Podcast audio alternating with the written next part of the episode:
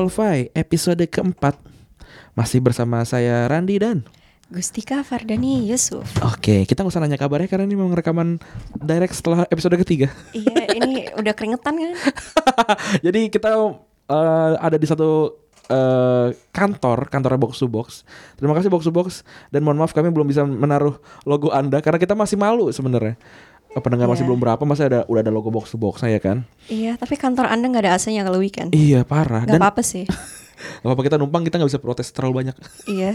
Karena equipment kalian sangat canggih. Iya betul Iya. sekali. Terima kasih kita Box to Box. rekaman pakai handphone aja ya, dengar kerasak kerasak kerasak kerasak dan bunyi blender di, di samping kita. Iya, terus alamat rumah masuk. Iya. Kayak waktu itu gue kirim apa? Kalau Iya. Eh gue juga apa namanya pas rekaman pakai iPhone tuh masuk jalan titian indah masuk tuh. iya, Kita kali ini mau ngebahas apa sih yang episode kedua tuh? privilege. Oh privilege ini banyak banget ya. This is a topic that I freaking love. Yoi. Jadi em, tadi Gustika telat. Eh telat. Apa datang lebih cepat kalau tel- telat. Eh, datang lebih cepat. Terus cuma 10 menit kan dari rumah. Terus kata gue, Iya. eh kok cepet banget ya rumah gue dekat terus kata gue dasar privilege. Eh udah datang gue belum gue belum gue kirim. Yo, Eh, iya. eh, Jadi kalau kalau uh, definisi privilege kalau lo Google nih, privilege is a special right, advantage, or immunity granted or available only to a particular person or group. hmm. Jadi eh, perlu gue Kayaknya udah pa- Translate ya? paham lah ya. udah paham atau jangan-jangan logat gue nggak dipahami orang lu ngomong apa sih anjing? Intinya yang lu punya nggak semua orang punya Iya. dan dimiliki oleh beberapa grup Hak tertentu. spesial, Mm-mm. keuntungan atau imunitas yang diberikan dan tersedia hanya kepada uh, se- sebuah kelompok Mm-mm. manusia atau orang perseorangan. Ini gue em, nanya ke lu deh karena lu orang yang orang sangka punya banyak privilege, kuliah di luar negeri, terus I I do have a lot of privilege Iya. and I'm not gonna apologize for it gitu. iya itu lu lahir dengan itu kan, maksudnya Iya, jadi, jadi sebenarnya kenapa gue pengen bahas karena ini gue perhatikan ya, sering banget muncul berseliweran di Twitter kan, yang oh dia kayak gini soalnya di privilege. When it's not really the privilege, cuma mungkin orang itu nggak punya empati. Orang Oke. orang yang misalnya nggak punya privilege pun bisa nggak punya empati. Iya. Orang privilege bisa punya empati yang lebih besar daripada orang yang punya privilege. Iya. So you don't mix up the two. Jadi mungkin ini gue sebenarnya gue udah kepikiran agak lama, tapi ada satu orang yang mengatakan, ah gue juga kerja sampai malam. Ini kenapa sih orang yang kerja di uh, KPPS? oke. Um, Gue tahu Hanif Tamrin, Wih, lo sebut. gue bahas juga kok di Oh, bergunjing. Iya. Dan, dan gue sangat nggak suka. Iya, tapi kayak gue gue juga nggak setuju sama dia. Hmm? Tapi kadang um, gue lihat dari komen-komen orangnya tuh ada yang salah salah sasaran gitu. Malah Iya, bilang, iya. oh dia ini privilege, jadi dia kayak gini. It's not it gitu. Misalnya or uh, komentar tersebut datang ke, kan dia sempat bilang, oh people died, I didn't know gitu kan. Mhm. Tapi misalnya komentar itu datang dari kayak I don't know orang yang kerja, middle class person kerja dari jam 5 pagi sampai jam 12. 12 gitu setiap hari terus overtime lah pokoknya sampai capek banget dia mengatakan seperti itu terus ya biasa aja kali ngomong kayak gitu itu kan juga bisa dibilang gak punya empati walaupun Iya. misalnya dia bukan dari kelas yang punya privilege gitu. Iya, bener. you know what I mean jadi orang menurut gue orang tuh suka salah menggambarkan privilege itu apa Oke. Kalau menurut lo? Menurut gue, um, long story short, yang pengen gue bilang, some people pay attention more to other people's privileges than their own. Oke. Check your privilege gitu. Misalnya lo male gitu, lo laki-laki, lo punya privilege tertentu. Bukan berarti lo kayak akan mendapatkan semua di dunia, cuma memang ada advantage di sini. Iya. Dan privilege itu macam-macam, nggak cuma masalah keuangan, tapi for some reason beberapa orang tuh mikir privilege itu hanya melulu Harta. berhubungan dengan harta dan uang gitu. Malah gue sebagai laki-laki udah punya privilege yang lebih banyak dari lo. Iya, misalnya kayak gitu. gitu. Dan em gue tuh agak agak nggak sukanya sama privilege yang eh, orang tuh kayak lu punya privilege ini, iya kan gue lahir dengan itu kayak misalkan Iya. gue Islam, gue laki-laki, terus eh, gue suku gue gue Sunda, Eh, Sunda dan Jawa kan maksudnya banyak ya, Eh, Iya. itu kayak itu kan seperti white America gitu di, di Iya, sana seperti sort of, itu. ya. Eh, em, apa namanya? Gue kan juga nggak bisa nggak bisa nggak- bisa mengganti itu. Itu kan gue lahir dengan itu gitu. Iya. Em, yang yang kadang-kadang orang nggak orang nggak sadar adalah ya apa ya eh, lu, lu lu juga punya privilege tertentu yang sebenarnya kalau gua point fing- finger ke lu juga lu juga bakalan bakalan kayak oh iya anjir gue juga punya gitu. Iya makanya. Jadi kadang yang kayak gue bilang, Hmm. people are too focused on other people's pri- privileges and they forget their own gitu. Kayak kayak kita mungkin ada di posisi yang lebih nyaman secara finansial gitu misalkan. Iya. Tapi kan tapi kan itu tidak pernah kita pakai untuk hal apa pun gitu. Gue rasa sih banyak orang yang kayak pointing out kayak misalnya ah Randy emang privilege makanya dia bisa punya uh, retropus gitu, Ah, ah, let's ah. say gitu. Itu menurut gue lo dengki aja sih. Atau jadi gue tuh ngerasa kayak gitu kadang-kadang kayak kok lu nggak menghargai hal-hal lain yang sudah gue lakukan gitu? Padahal gue memang mungkin punya privilege itu. Mungkin gue kenal sama orang yang Iya. de- dengan mudah membawa gue ke atas tapi gue tuh berusaha loh gitu. Iya. kadang-kadang orang tuh jadi kayak bete-nya bukan karena disinggung privilege-nya tapi tidak dihargai uh, apa usahanya gitu loh. Iya itu dia, itu dia. Padahal kan Hmm. gue gue tahu lah ret, uh, retropus dari seperti apa seperti gitu apa gue diceritain sama Pange waktu itu kayak oh ya I acquired them gini gini gini. Gue menurut gue mereka lo- kocak banget Uh, gitu jadinya. jadi jadi You know. kadang kadang-kadang orang-orang yang di, dicengin kayak oh lu mau privilege segala macam segala macam gini mereka bukan marah karena privilege-nya disinggung tapi karena mereka ti- seperti tidak dihargai eh, apa namanya usahanya gitu. Iya kayak I know so what gitu. Karena nggak Iya. lo gak bisa merubah itu. Toh juga kan. kalau misalkan gua punya privilege dan gua gagal, gua akan lebih banyak pr- pressure gak sih kayak lu udah Iya. udah udah privilege lu udah udah udah ada di posisi yang harusnya lu Iya. le- lebih gitu. Dan jangan sangka kita nggak bersyukur atas privilege kita gitu. Hmm. Cuma kayak stop pointing it out. We fucking know gitu. Yeah. Like just shut up. Kita tahu. Lo nggak harus point out. Kita juga sadar Iya. sebetulnya. Bokap gue selalu bilang kayak gua tuh mulai dari nol kayak karena dia ad- lahir dari suatu kota kecil namanya Kuningan bokap nyokapnya biasa aja gitu.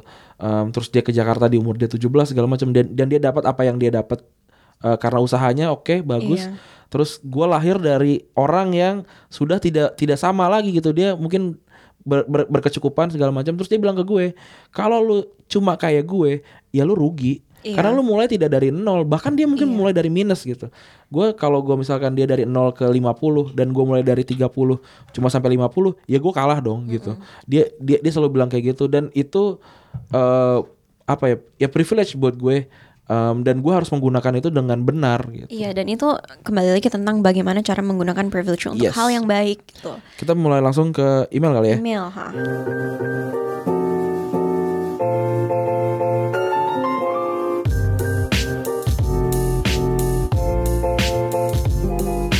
Dari seseorang em, judulnya privilege dan kemudahan mengejar mimpi.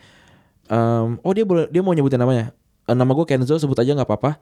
Wajar nggak sih kalau gue iri? Jadi dia ada dua pertanyaan kita harus jawab per pertanyaan ya. Wajar nggak sih kalau gue iri sama orang yang terlahir dengan segudang privilege? Apakah Kak Gustika dan Bang Randi pernah merasakan hal itu juga? Gue masih suka merasa iri sama teman-teman yang ekonomi jauh di atas gue. Kadang mereka juga sering bersikap menyebalkan, misalnya kayak mereka ngomong makanya kerja keras supaya bisa sukses dan kaya. Padahal gue tahu yang ke- kerja keras itu adalah bokapnya dan bukan dia Gim- gimana? Oke, uh, pertanyaan sat- uh, pertama dulu ya. Wajar gak sih kalau dia iri sama orang yang terlahir dengan segudang privilege? Wajar. Wajar Karena banget itu manusia. manusia. But that's the thing. Lo uh, iri juga ada takarannya gitu. Iya, Iya gak sih? iya. Kayak lo pikir gue gak pernah iri misalnya sama I don't know, um, let's say um, Selena Gomez for being really fucking pretty. Iya. Like she's so pretty. Tentu gue iri gitu kan. Tapi ya I'm not gonna get like surgery untuk terlihat seperti dia. Itu nanti by the way ada topik namanya can- apakah cantik itu privilege? Anyway, gue loncat-loncat. Um, Iya, i- um, kalau kalau misalnya memang iri, gue setuju sih. uh, makanya kerja keras supaya bisa sukses dan kaya. Tapi kaya itu menurut gue bukan Bukan kalau- pencapaian. Bukan pencapaian sih. Iya. Kalau misalnya lo bahagia tuh, atau misalnya lo mendapatkan kerjaan yang lo mau gitu. Iya. Gue sekarang unpaid internship masih saat ini saat podcast ini keluar masih unpaid Masih. internship. But I'm really happy because it's something that I enjoy doing Yeah. gitu. Jadi tergantung gimana lo cara menggunakan rasa iri lo kalau misalnya rasa iri lo cuma buat lo julid doang ya percuma tapi kalau rasa iri lo memacu sebuah strategi dalam kehidupan lo misalnya lo kayak oke dia bisa kayak gini jadi gue harus gini kelebihan dia di sini kekurangan dia di sini jadi gue isi di kekurangan dia gitu Iya. jadi lo lihat aja gitu assess aja dia kekurangan kelebihan Jadi kayak bahan bakar gitu kan. Kayak gue Iya. iri sama dia, ya udah gue harus kerja keras iya lebih iya. dari dia gitu. itu dia kayak misalnya um, gue ini mungkin setengah curhat bocornya Gustika tapi gue terlahir dari sebuah eh, gue terli- terlahir de- ke dalam sebuah keluarga yang punya nama. Mm-mm. mungkin banyak yang gue bisa lakukan itu koneksi keluarga gue banyak. Siapa sih? Ya bukan siapa sih cuma pasti banyak yang menginginkan keluarga Hatta ada dalam uh, sisi mereka gitu. Circle-nya. circle-nya. Banyak kok. Gue nggak akan bohong tentang hal itu. Dan itu privilege kalau misalnya gue mau cari kerja gitu pasti ada yang mau cariin gitu Iya, gitu benar. tapi ini kembali lagi gue waktu itu lagi ngomongin uh, soal kerjaan sih sama bokap sama Hmm. nyokap ada sebuah institusi yang gue ingin daftar Hmm. tapi institusi tersebut ada namanya dari seseorang lah. Hmm. Terus bokap gue bilang gini, kamu ini cucunya Bung Hatta. Hmm. Kalau kamu bukan siapa-siapa baru deh kamu kerja di situ. Oke. Tapi kalau kamu nama kamu melekat ke institusi tersebut, ayah nggak setuju kecuali gaji kamu dua digit. Jadi mungkin hal yang seperti itu gitu, lo bisa ambil gitu. Oh Gustika privilege melalui koneksi dan namanya dan gini udah kayak gue ngoceh doang di Twitter tiba-tiba viral dalam semalam yang gue nggak expect sama sekali for some like fucking reason. Lo bisa eksplorasi banyak hal dan apa ya and that's your advantage that's your privilege menurut gue I'm not saying that you're no one tapi seandainya lo kayak quote unquote nobody gitu So you're saying kayak uh, ber berprivilege dan advantage itu bisa jadi disadvantage juga. iya gitu kayak Oke. misalnya um, let's say gue uh, kerja sama Trump gitu Ah. Pasti pa- pada bilang Gus Gustika kok ngapain sih kerja sama Trump Meng- kayak mengkhianati aja gitu mengkhianati semangat Bung Hatta. iya kayak gitu tapi kalau misalnya misalnya misalnya lo kerja lo ran kerja di Trump Ya udah, gue Ya adalah udah. orang Indonesia yang kerja untuk Trump. Iya, ya gitu gitu kan? ya, oke. Ya, ya gitu sih kayak kalau semua orang tuh ada ada quote unquote pl- plus minus ya. Walaupun mungkin privilege gue nggak sesignifikan apa eh, kerugian gue Iya. quote unquote nggak sesignifikan privilege gue. Tapi mungkin di situ lo bisa lihat temen lo, teman-teman lo atau siapa yang kerja keras bokapnya atau gimana. Lo, lo lihat lo ada wiggle room gitu. Ini kalau misalnya eh, ada temen gue yang harus melanjutkan usaha bokapnya, let's say kalau lo enggak berarti lo punya kesempatan untuk mengeksplorasi apa yang lo benar-benar suka Iya. gitu menurut gue ya jadi iri wajar tapi karena itu sangat manusiawi Kalau lu buang-buang waktu untuk iri aja itu yang gak Iya, wajar. itu dia Gitu. Ini pertanyaan kedua dia ya. Ha-ha. Kalian setuju nggak sih dengan kata-kata kebodohan sangat dekat dengan kemiskinan? Berhubung kan ada juga yang orang terlahir miskin dan memang harus miskin seumur hidupnya. Misalnya seperti anak petani yang terlahir dengan minim, minim- minimnya privilege, nggak bisa menikmati pendidikan yang layak, terpaksa harus menunjuk- melanjutkan pekerjaan orang tuanya untuk jadi petani. Lalu sekuat apa pun petani bekerja keras sampai meneteskan darah dan air mata selama dia bukan pemi- pemilik sawah, dia akan terus berdiri di jurang kemiskinan, bukan? Kalian setuju nggak dengan kata kebodohan sangat dekat dengan kemiskinan? Betul, karena itu adalah sebuah hadis dari Rasulullah ya. iya Em, jadi jadi memang itu sangat betul. tapi kembali lagi kalau misalnya di dibalikin ke last um, sentence yang lo bilang sekuat apa pun petani bekerja keras sampai meneteskan darah dan air mata sama dia bukan mem Bukan pemilik- pemilik da- eh, sawah, dia akan terus berdiri di jurang kemiskinan. Tapi gue gak akan bilang petani itu bodoh sih. Hmm. ini ini mungkin kembali lagi ke sistem. Karena kenapa gue lo kan bentar lagi mau ngambil itu kan Ah. public administration Ah. administrasi publik. Dan ini salah satu sebenarnya yang jadi pemacu gue. Gue S2 pengen sama kayak lo. Iya. pengen ngambil kayak administrasi publik. Karena ini sebuah masalah yang sistematis sih menurut gue. Iya. sistemik dan Kayak ya kayak, kayak sebenarnya em, kadang kita tuh eh, melihat orang yang terlihat tidak pintar tuh kayak emang dia bodoh? Enggak. Dia tuh Iya. pintar dalam bidangnya sih. Iya itu dia. Coba lo lo pintar nyawah nggak? Gitu aja. Kayak bahkan gue macul aja nggak bisa gitu. Ya itu dia. Tapi susah sih kalau misalnya memang udah umur sekian, misalnya petani sampai meninggal sampai udah tua, apa eh, sampai udah tua terus meninggal dia nggak bisa keluar dari pekerjaannya, Hmm. itu ya salah sistem. Tapi bukan berarti dia bodoh. Tapi em, dengan adanya teknologi sih menurut gue kebodohan sangat dekat dengan kemiskinan Kalau itu. kalau gue gua mungkin gue tambahkan kayak eh, ya mungkin orang ini tidak punya privilege tapi kan kita orang-orang punya privilege ini mungkin bisa membantu dia gitu. itu Eh, dia Ya kan? it's how you use your privilege gitu Iya. jadi stop saying like gue paling malas orang nge-frame privilege itu adalah sebuah hal yang Negatif. selalu negatif gitu padahal menurut gue privilege itu hal yang netral Iya benar. sebetulnya ya bu nggak buruk nggak baik Pertanyaan selanjutnya ya.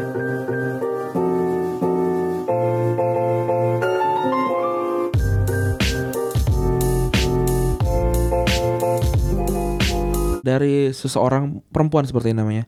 Sebenarnya suka mikir kalau cantik itu termasuk privilege atau enggak. Soalnya gini, kalau cewek cantik kan kelakuan, tapi kelakuannya shitty juga orang-orang masih bilang untung cakep. Tapi kalau cewek yang kentang dan kelakuan kentang ken- dan kelakuannya jelek, pasti dibilang udah jelek sifatnya juga udah jelek sifatnya juga sama aja lah sifat jelek mah nggak usah dihubungin sama muka ya belum lagi kalau yang cantik itu berprestasi rata-rata orang bakal bilang wah udah cantik berprestasi lagi orang orang Indonesia ini kenapa masih suka standar ganda ya ya gue juga nggak tahu kenapa orang Indonesia masih suka standar ganda. Tapi pun kan bingung. bukan gue gue setuju cantik itu adalah privilege ganteng privilege. Kayak em, kalau misalkan ada gue dan Kinan Pierce menawarkan produk MLM gitu mungkin presentasi pers- persentase lebih banyak diterimanya ya Kinan Pierce tentu saja gitu. Tapi tergantung kalau misalnya lo belajar strategi caranya, iya, ca- cara ngomongnya ya. Ah, ah, strategi komunikasi dari Tapi maksudnya eh, kalau Febri cuma- Aryadi, Ya. mungkin lo bisa lebih itu. tapi tapi mungkin maksudnya pertama kali dilihat eh pandangan pertama kan sungguh menggoda ya jadi mungkin ya memang gitu tidak Iya. tidak bisa dipungkiri juga tapi again ya kan gua dia lahir sebagai cantik apa yang bisa dia dia apa eh, katakan gitu ya memang Cantik tapi goblok orang juga males kali ngomong dia. sama dia gitu.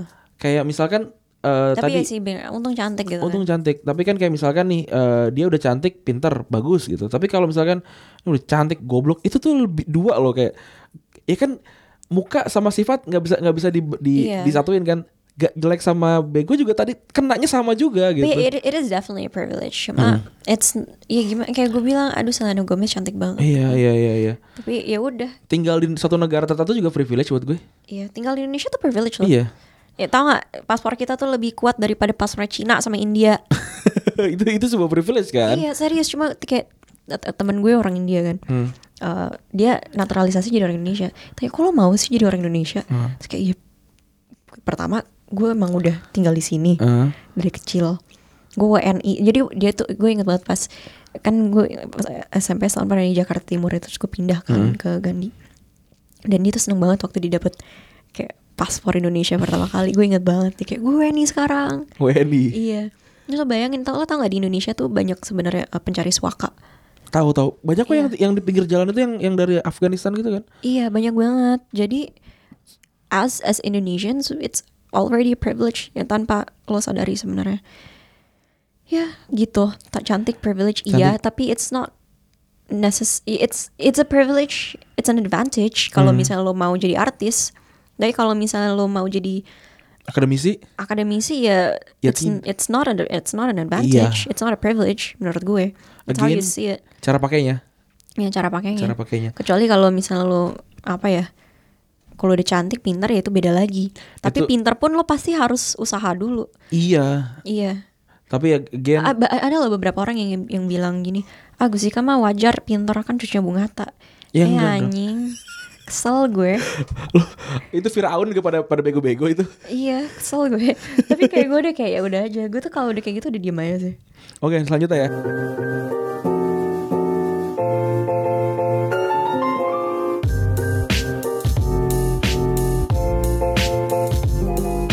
Halo Randi dan Gustika, pertama-tama gue mau bilang gue seneng dengerin kalian bocor dan ngoceh, thank you. Semoga podcastnya jalan terus kayak tol Jakarta pas lebaran. Gue pengen cerita tentang privilege yang gue punya. Sekarang ini gue udah keterima di satu maskapai yang menurut gue terbaik di kelasnya. The thing is, I don't feel like I'm fulfilled. Oke. Cita-cita gue yang sebenarnya adalah jadi astronot. Gue udah ancang-ancang dari SMA dan dan jalur untuk jadi astronot itu ada banyak. Di SBMPTN gue milih FTMD ITB. FTMD eh, me- met, eh, gue nggak tahu Eh, MD-nya tuh gue nggak tahu. Sayangnya gue kurang pintar untuk masuk. Akhirnya gue masuk sekolah pilot. I did well in flying school, even graduate top of my class. Mantap. Um, right after flying school, I apply for this airline and I got accept susah kan masuk tau gue Apa? untuk jadi jadi pilot satu ini kan susah kan Gue setahu gue susah. susah kan Tapi gue nggak tahu juga. ya sekolah terbang aja sebuah privilege apalagi langsung keterima di maskapai Eh, sekarang gue bingung lanjutin karir di jalur ini atau mencoba untuk kuliah lagi. I love flying, it pays well, it pays well too. Gue masih takut nanti suatu saat peluangnya ada untuk jadi astronot. Gue cuma nggak bisa ngejar mimpi itu lagi. But it's nice to finally able uh, able to share this story. Gue suka bingung mau cerita ke siapa. Karena gue rasa gue kayak nggak bersyukur banget udah dikasih kesempatan berkarir yang jelas, tapi malah gundah dengan op- opsi lain. Oke. Menurut gue lo bersyukur, lo cukup bersyukur sih kalau lo udah apa ya? I don't know. From what I see, lo kayak, aduh gue takut nggak bersyukur. Itu udah rasa syukur menurut gue. Iya. And yeah, it is definitely a privilege, and it's a privilege that you rightfully, you know, used and fought for. Dalam arti lo ada privilege tertentu dan lo bukan yang kayak oh ya bapak gue kaya terus lo lele di rumah itu iya, iya. that's a different story. Lo usaha gitu dan lo masih usaha uh, ngejar mimpi lo jadi astronot. Menurut gue pribadi kembali lagi this is the unqualified podcast and I do not have qualifications to give you any advices.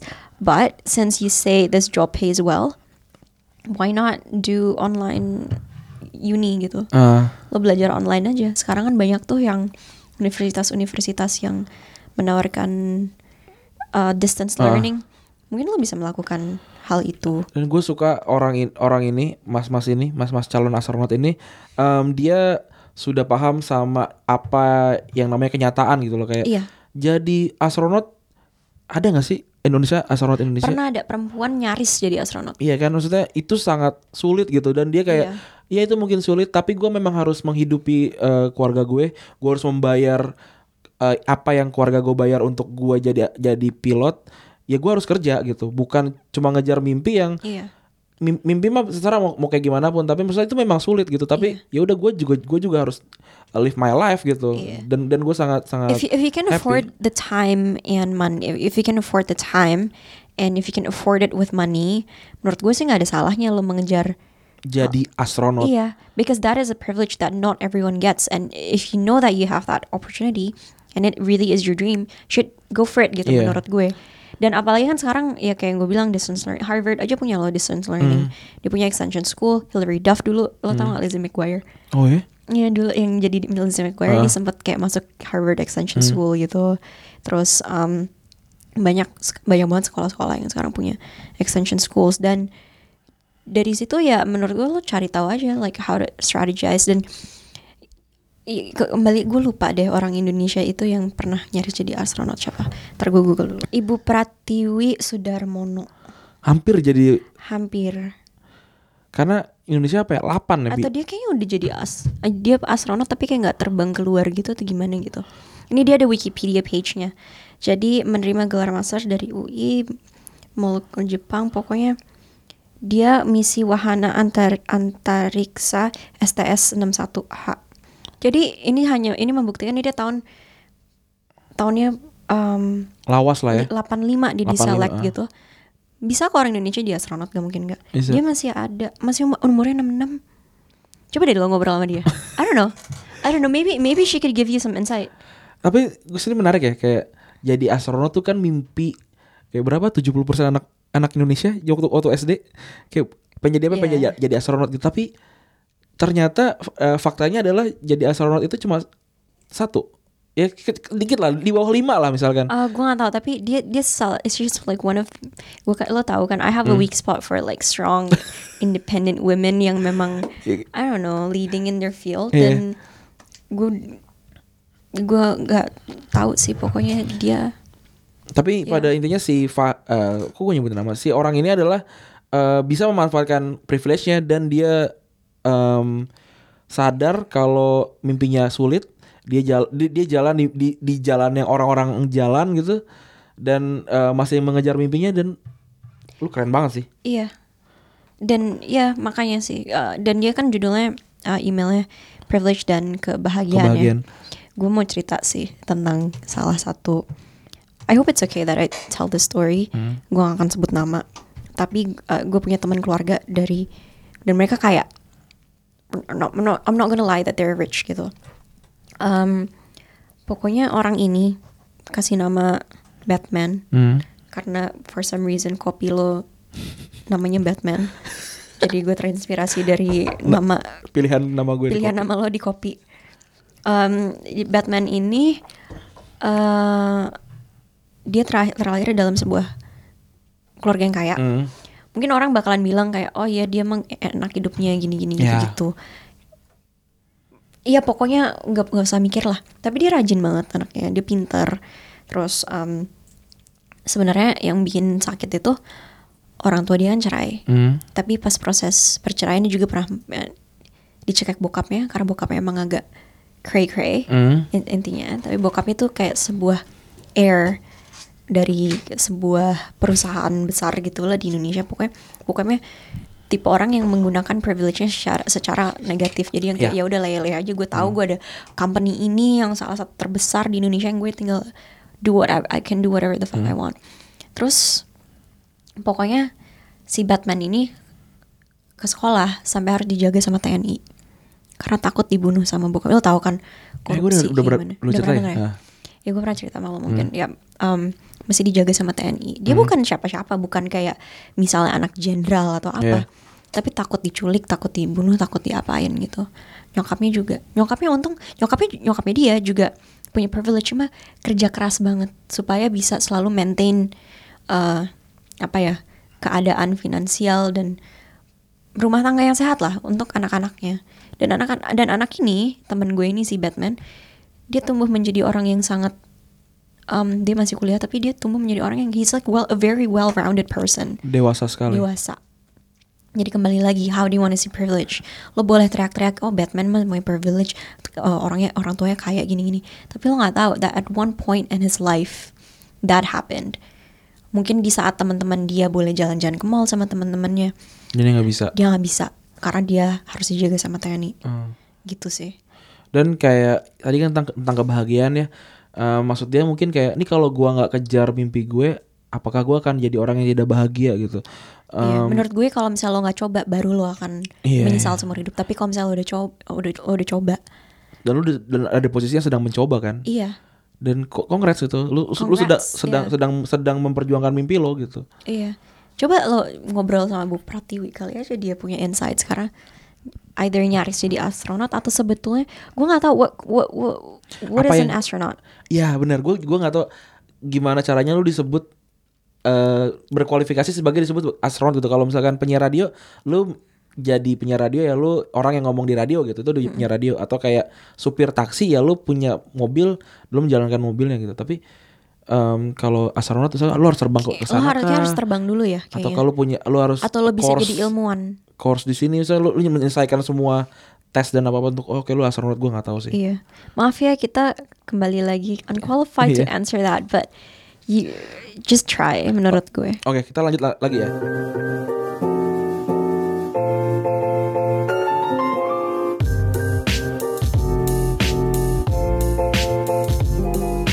Hai Gus, heran mengenai topik privilege kali ini Gue juga mau cerita gue punya saudara Yang bener dia dilahirkan di keluarga yang mapan ya. Ayah ibunya sukses. Sebenarnya itu sudah privilege. Tapi yang bikin gue iri adalah bapak ibunya itu positive mentality yang menurut gue keren. Yang mungkin membuat mereka jadi gampang menemukan kebahagiaan mereka sendiri. Bisa menemukan kebaikan di antara keburukan Yang menurutku itu adalah sebuah penentu yang bisa ngebuat anak-anaknya juga punya mentalitas yang sama outputnya. Bisa ngebuat dia berkembang as big as possible di samping emang mereka kaya lo ya. Jadi oh, mereka kaya kaya ya jadi. Jadi intinya menurut gue privilege yang ada privilege adalah dilahirkan di lingkungan yang suit, yang suitable untuk bisa berkembang sebagai manusia. Sukses buat kalian, moga podcastnya bisa jalan terus menginspirasi. Iya Makasih. bener, gue ngerasa Ya. um, gue tidak sekaya banyak orang, tapi gue ngerasa bokap nyokap gue sangat membantu gue dalam mengejar mimpi gue.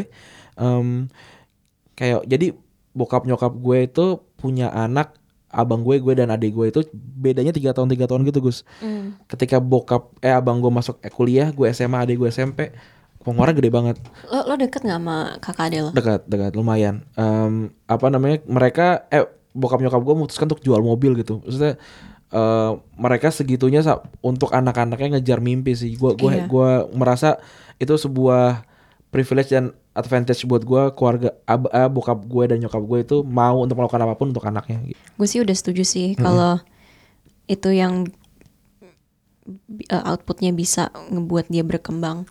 Tapi mungkin gue nggak tahu sih gue nggak tahu mesti jawab apa because it's not really a question. Yeah. because I agree with you. Um, tapi jangan kembali lagi karena lo bilang yang bikin lo iri adalah itu tapi mungkin lo bisa mencari cara gimana lo bisa berkembang cara lo sendiri. Jadi iri itu manusiawi. Cuma kembali lagi tapi kalau lo irinya berlebihannya itu ngerugiin diri lo sendiri. Iri tapi terus bikin lu fokus kepada orang yang bikin lu iri sih. Mm-mm. nanti jangan cepet ubanan. Eh gue ubanan nih. Gue juga. Gue gue menyindir diri sendiri. Oh, iya. mungkin gue mau ngomongin ini different types of privilege yang tadi udah kita sentuh dikit. Mm. jadi selain keuangan keluarga terus Em, lingkungan. link, eh, link juga. Link. Menurut lo apa lagi? Kalau buat gue adalah privilege terbesar yang lo punya? Laki-laki. Sebagai Laki-laki. laki-laki Eh, meskipun apa equality dan segala macam gue tetap merasa gue sebagai laki-laki ya gue lebih gue lebih kuat secara fisik gitu. Iya. Terus juga dalam budaya kita orang Indonesia laki-laki itu selalu selalu jadi paling depan. Iya. Em, dan itu buat gue sebuah eh, kemudahan gitu apalagi kayak di di dunia kerja gue yang harusnya gue kerja di situ di teknik sipil dan lain-lain itu itu adalah bidangnya laki-laki gitu Iya. jadi jadi gue rasa gue sebagai laki-laki adalah sebuah privilege ini menarik sih kalau misalnya mau diomongin kayak Hmm. panjang banget karena banyak laki-laki yang nggak sadar kalau sebagai laki-laki itu sebagai laki-laki itu privilege. Jadi banyak yang bilang oh ya kualitas kan nggak ada gini gini gini. Tapi Hmm. mungkin mereka kurang melihat lebih dalam lagi. Baru ada um, research dari negara yang paling equal aja Sweden, Denmark, kayak negara-negara Sk- Skandinavia Iya. gitu masih ada inequality dalam pekerjaannya. Jadi Iya. uh, bukan karena pay atau apa, tapi perempuan itu kalau melahirkan biasanya cuti lama gitu. Jadi ag- Oh, agak ada iya. preference-nya. Dan gue sangat memaklumi hal tersebut. kalau tapi salah ada ya yang kemarin orang Indonesia yang eh naik mau, mau naik jadi DPR tuh dengan dengan ini de- dengan dengan mengangkat isu itu yang kayak Oh. suami tuh harus dapat cuti em, melahirkan juga gitu. Gue gue nggak gue nggak tahu gue nggak Koko Koko siapa oh, tuh oh itu yang dari PSI ya? Iya iya kalau nggak salah. Koko Iya, di, iya. kantor ya itulah ya something itulah like that ya. something like that. Ya tapi gue nggak tahu kalau dia punya posisi itu. But intinya gue gue mengerti kenapa uh, ada prefer- preferensi seperti itu dan mungkin kita nggak bisa menghilangkan preferen- preferensi seperti Hmm, yang kayak gitu. Misalnya lo mau hire orang gitu Ran. Eh, kalau misal lo tahu dia bakal oke if the person's gonna stick in for five years atau three years lo pilih yang mana gitu Iya, kan. iya, iya. tapi kembali lagi makanya yang sekarang dilihat oleh kaum kaum yang men- me- apa sih kelompok-kelompok yang memperjuangkan ekualitas itu kayak yang pertama harus dilihat adalah kualitasnya Iya. dari orang tersebut. Apalagi sekarang kan zaman pekerjaan berubah lo bisa kerja dari rumah jadi walaupun perempuan lo, lo harus menyusui segala macam itu yang sebenarnya diperjuangkan dan Iya. itu yang orang nggak sadar dipikir cuma kayak ya maklum lah gitu but then you have to see the changes as well dan Oke. kalau gue dari gue I think the biggest privilege is to have my mom as my mom jadi dia Hmm. orang yang kerja keras banget dan dia kayak sama kayak orang tua lo yang bisa apa ya um, mau mau membiayai anaknya sampai nyokap gue jual rumah apa segala macam gitu dan uh, ini mungkin akan berhubungan dengan topik selanjutnya yang hubungan dengan ekonomi dan sosial keluarga gue terlahir ke dalam sebuah keluarga yang memiliki status sosial cukup tinggi and that is definitely a privilege tapi yang orang gak lihat dan um, I don't wish that people would see either or I don't wish any kayak bodo amat gitu. Tapi gue ngeliat gimana uh, kerja keras nyokap gue despite in spite of her privileges. Dia 10 tahun bertahan di suatu tempat yang gajinya tuh cuma belasan digit. Yang kalau sekarang tuh anak umur 25-an gajinya segitu iya nyokap gue dengan status sosial dan kebutuhannya yang banyak kayak gitu. So she had to work three jobs, by the way. Dia kerja di situ, dia jadi guru piano karena nyokap gue guru piano bersertifikat dari YPM dan dia juga nguji ujian. Jadi um, dia pernah jadi freelance writer juga. Di situ gue ngeliat kerja keras tuh apa. And I'm glad that I got the privilege to witness all that. Sehingga gue tahu value for money itu dari mana. Karena walaupun privilege lo gede secara keuangan tapi lo nggak belajar value for money itu datang dari mana. It's a waste gitu menurut gue it's a waste of your privilege Iya. karena di saat di saat lo ditempatkan di suatu posisi di mana lo bisa belajar detail yang banyak dan lo nggak belajar itu it's such a waste of privilege Oke, berarti ini adalah curhat terakhir ya Gus ya.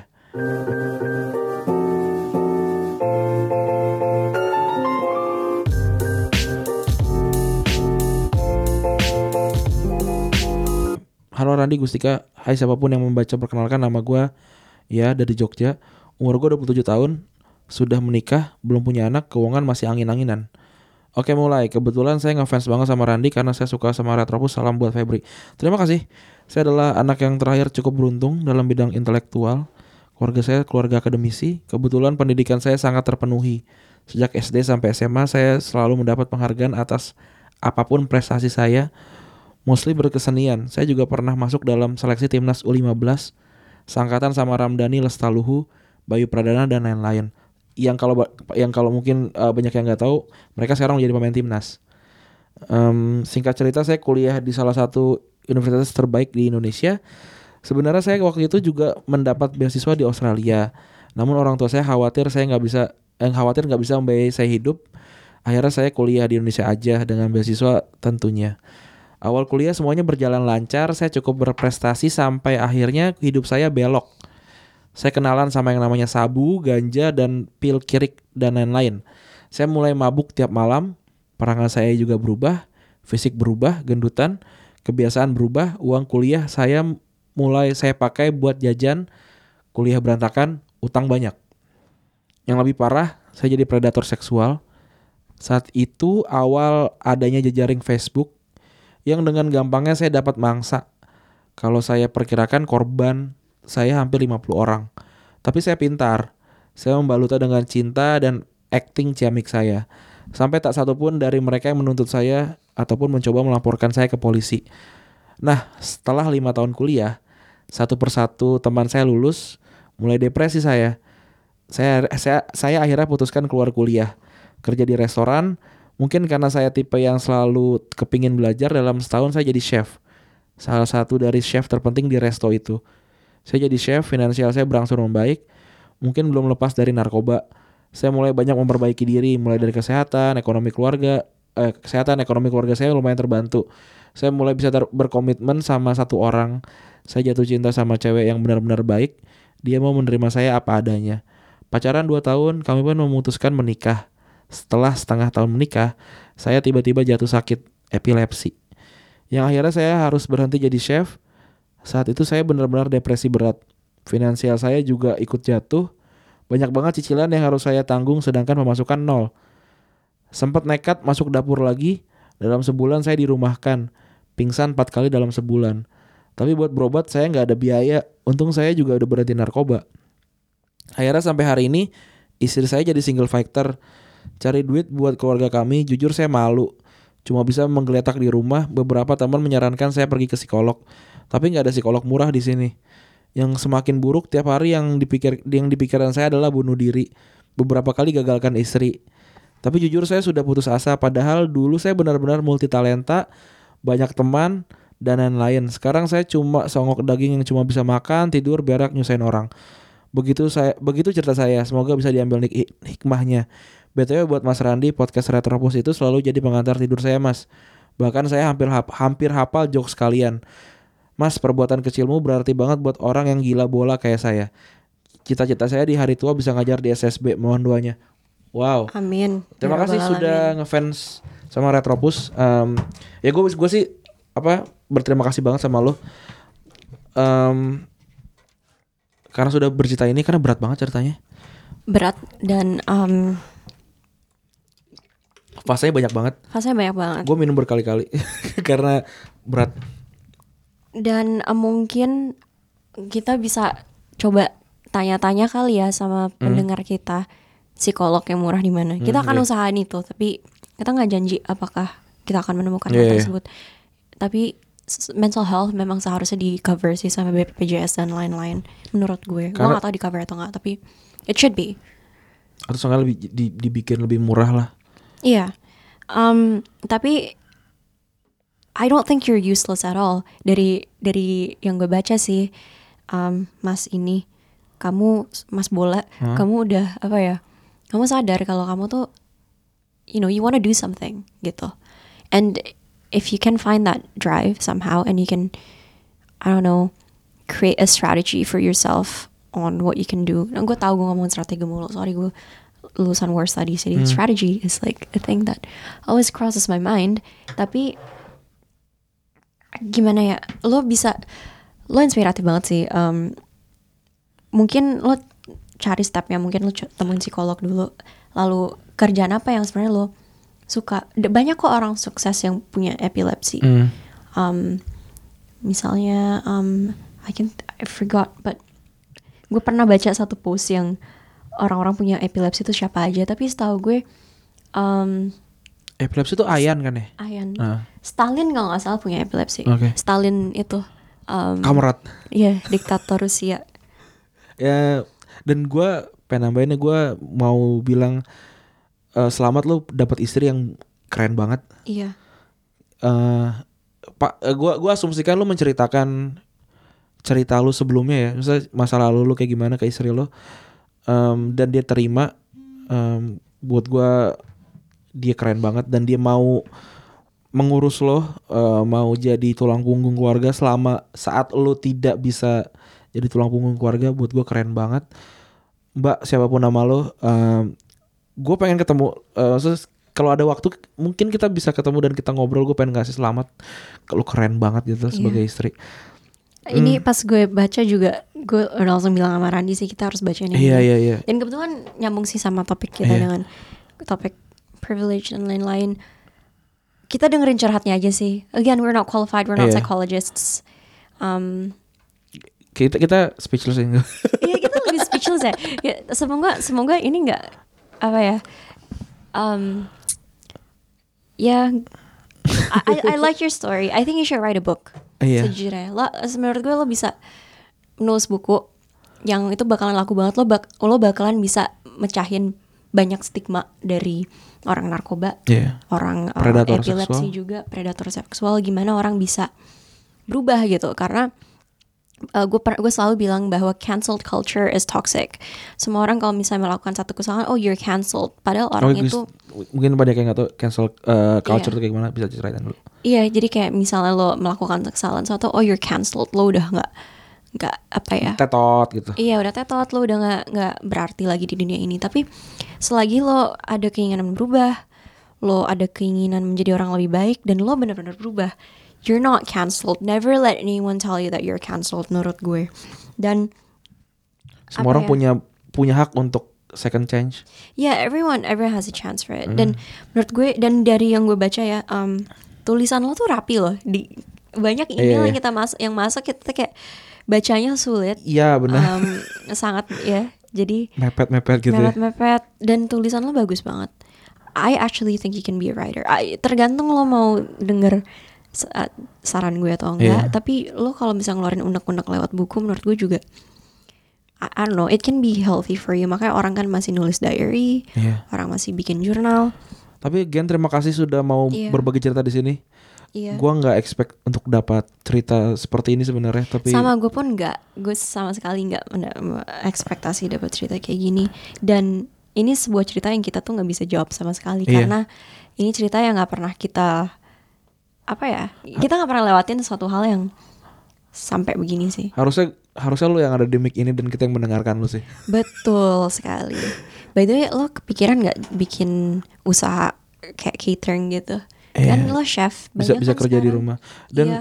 lu gua asumsikan sangat pintar karena lu lu baru bekerja sekian bulan tapi lu udah jadi andalan di em, tempat lu bekerja Iya. sebagai chef gitu Em, ya hidup lu lu masih 27 em, masih panjang Masih banget panjang. Lo seumuran sama seumuran sama Randi. gue iya Em, You know people at 27 kita tuh well bukan gue tapi I know people at 27 mereka tuh masih yang kayak mencari jati diri. Hmm. iya iya iya People think 30 is old. I mean 30 even is still young gitu. Jadi I don't know. Gus kita kita nggak mungkin bisa naik, naikin eskalasi podcast ini jauh dari, dari ini tapi gue pengen Iya. tanya sama lu lu pernah punya momen kayak anjir gue pengen bunuh diri aja Uh, kebetulan enggak sih. enggak ya Kalau gue pribadi enggak.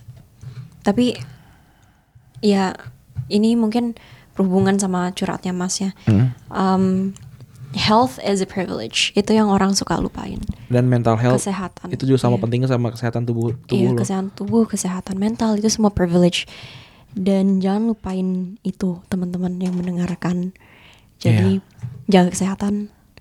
gue kalau kalau kalau boleh cerita sedikit gue tuh pernah di posisi gue bahkan nyari cara bunuh diri paling gak sakit mungkin Oh, wow, oke. mungkin gue akan akan mungkin, mungkin akan akan gue ceritakan tapi nggak di sini nggak nggak saat ini tapi em, saat itu kayak em, gue nggak tahu gue harus ngapain gitu kayak yang gue tahu gue harus cerita se gue tahu orang yang gue ceritakan tidak akan membantu tapi seenggaknya bebannya gue bagi gitu sih Mhm. dan em, ya terima kasih mas sudah cerita Makasih, makasih banget. Eh, please jangan Keep fighting, like. I wanna meet you. Gue pengen ketemu sama lo. Dan kalau kalau ke Jogja eh kalau kalau lu ke Jakarta atau kita ke Jogja kita akan ngabarin iya, se- serius sih. Soalnya I don't know, share your story with other. Like thank you for sharing your Hmm. story with us and orang lain juga sih yang mendengarkan.